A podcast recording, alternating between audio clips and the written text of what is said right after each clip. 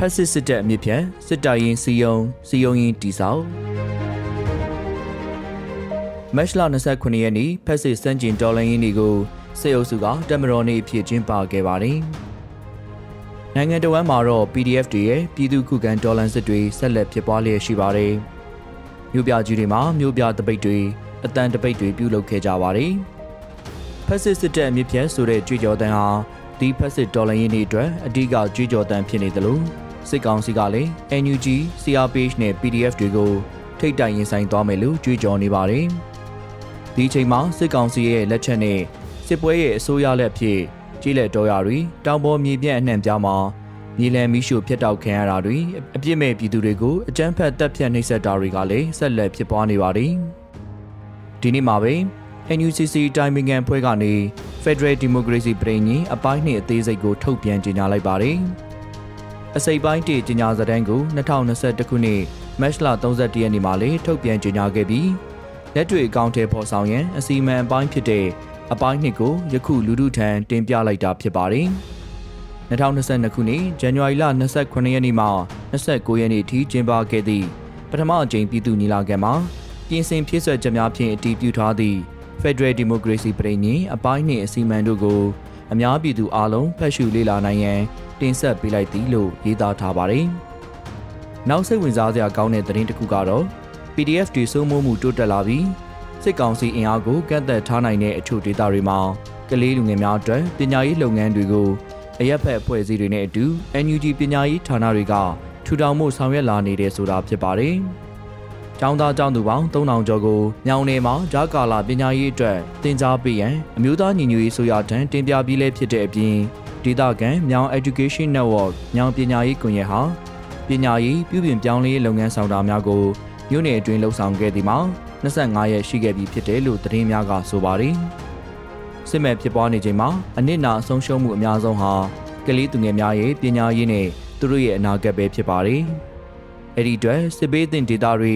ရွာပေါင်းရွာရှောင်းတွေမှာအတူလိုက်ပါကြတဲ့ကျောင်းဆရာဆရာမတွေကကိုထူကိုထစာသင်ကြားမှုတွေပြုလုပ်လေရှိကြပြီးယခုຫນွေဦးတော်လန်ရေးကာလအတွင်းမှာလေပညာရေးဆက်မပြတ်ဖို့အစွမ်းကုန်ခြေလှမ်းတွေလှမ်းလာကြတာဖြစ်ပါတယ်။ CDN တွေအများပြားတဲ့မှာပညာရေးဝန်ထမ်းတွေညာငိုင်းနှုံအများပြားပါဝင်နေပြီးသူတို့ကိုယ်တိုင်နေရဲစွန့်ကွာတင်းရှောင်နေကြရတာမို့သူတို့ရောက်ရာဒေသတွေမှာဒေသခံတွေအတွက်ပညာရေးထောက်ကူမှုတွေလှုပ်ဆောင်ပေးနေကြတာသတိမူဖို့ဖြစ်ပါတယ်။ မြို့ကြီးပြကြီးတွေမှာတက်နိုင်တဲ့မိဘတွေရဲ့ကလေးသူငယ်တွေအတွက်အွန်လိုင်းပညာရေးစနစ်ကကိုဗစ်ကာလတည်းကရှိနေခဲ့ပြီးຫນွေဦးတော်လှန်ရေးစတင်ချိန်ကတည်းကဆက်လက်ပြီးအဝေးသင်အွန်လိုင်းပညာရေးအဖြစ်ဆက်လက်လက်ပတ်နေခဲ့ကြတာဖြစ်ပါတယ်။အချို့ဆိုရင်ပြည်ပကအွန်လိုင်းကျောင်းတွေ International School တွေအထိအနံပြီးကလေးပညာရေးကိုရင်းနှီးမြှုပ်နှံကြပါတယ်။ဒီလိုအခြေအနေမျိုးမှာပညာရေးအဆက်ပြတ်သွားတဲ့အိုးအိမ်ဆွမ်းကမိဘတွေနဲ့အတူလိုက်ပါလာတဲ့ ကလေးသူငယ်များအတွက်ပညာရေးကိုသတင်းတွေထဲမှာဖော်ပြလာတာကိုတွေ့ရတာဝမ်းမြောက်မိပါတယ်။ຫນွေဦးတော်လှန်ရေးကာလမှာအမြန်ဆုံးအောင်မြင်မှုရရှိနိုင်ရေးအတွက်နိုင်ငံခြားရေးဖက်ဒရယ်အရေးနဲ့စစ်ရေးနယ်ကိုဦးစားပေးပြီးလှုပ်ဆောင်ကြဖို့ပြည်သူတွေကသဘောထားပေးကြလိမ့်ရှိပါတယ်။အခြားဝန်ကြီးဌာနတွေရဲ့အရေးပါမှုအခမ်းကဏ္ဍကိုလည်းအာယုံစူးစိုက်လေမရှိကြပါဘူး။လက်တွေမှာအခြေအနေတွေကြမ်းတမ်းလာတာနဲ့အမျှတရားဥပဒေစိုးမိုးမှုထိန်းချုပ်မှု စနစ်တကျစီရင်နိုင်မှုအရေးပါတယ်ဆိုတာလက်တွေ့ကြသလိုပညာရေးလူမှုရေးကလေးသင်ငယ်အရေးစီမံဘဏ္ဍာရေးဆက်သွယ်ရေးနဲ့ဤပညာတွေလက်လန်းမီဖို့အားပေးဖြန့်ကျက်နိုင်မှုကလည်းအချိန်နဲ့အမျှလိုအပ်နေတယ်ဆိုတာသိရှိလာကြပါတယ်။အဲ့ဒီအတွက် NUG အစိုးရနဲ့တိုင်းရင်းသားနယ်မြေတွေရောက် CDM ဝန်ထမ်းတွေအသည့်အတက်ပညာရှင်တွေရဲ့ရင်းမြစ်အင်အားကိုတော်လှန်ရေးလုပ်နေတဲ့အစိုးရကိုယ်တိုင်ရောပြည်သူတွေကိုယ်တိုင်ကအသုံးချဖို့ အားပေးဖို့လိုအပ်တယ်ဆိုတာမြင်လာကြမယ်ထင်ပါတယ်။စေအုပ်စုကဝါဒဖြန့်ချီရေးအပြင်ပြည်သူကိုတစ်ဖက်လက်နဲ့ဖျော်ဖြေရေးတွေအပန်းဖြေရေးတွေနဲ့စွဲဆောင်စည်းရုံးလေးရှိသလိုစာပေနုပညာရှင်တွေကိုလည်းကန့်သက်မှုများစွာပြုလုပ်ထားပါတယ်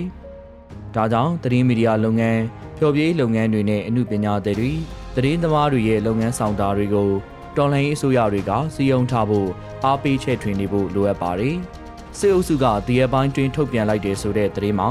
စာပေအမှုပညာလူမှုနယ်ပယ်ကထင်ရှားသူတွေကိုစုချင်းမြင့်လိုက်တယ်ဆိုတာသူတို့စစ်အုပ်စုရဲ့လုံနေကြစီယုံရေးသွေးခွဲတက်ရှူရေးအလုပ်လုပ်နေတာဖြစ်တယ်လို့တစ်ဖက်ကလည်းတော်လန်နေသူတွေအတွက်ကမိမိတို့ဘက်ကရဲရင်သောပညာသည်တွေကိုတိုးပြီးစီယုံမှုအားပေးဖို့အာရုံမတော်အောင်လုပ်ဖို့လိုနေတယ်ဆိုတာပြသနေပါတယ်။ဖက်စစ်စစ်တပ်မြစ်ပြတ်ဖို့ဆိုရင်တိုက်ပွဲဝင်ရင်စီယုံရေးကိုစင်ဆက်မပြတ်လုပ်ကိုင်နေရမှာဖြစ်တယ်လို့ စီယုံရေးတွေကလည်းအင်အားတွေစီးစင်းကြံ့ခိုင်နေဖို့တိဆောက်ရေးကိုလည်းစင်ဆက်မပြတ်ကြဖို့လိုအပ်ပါကြောင်းတင်ပြလိုက်ရပါတယ်ခင်ဗျာ။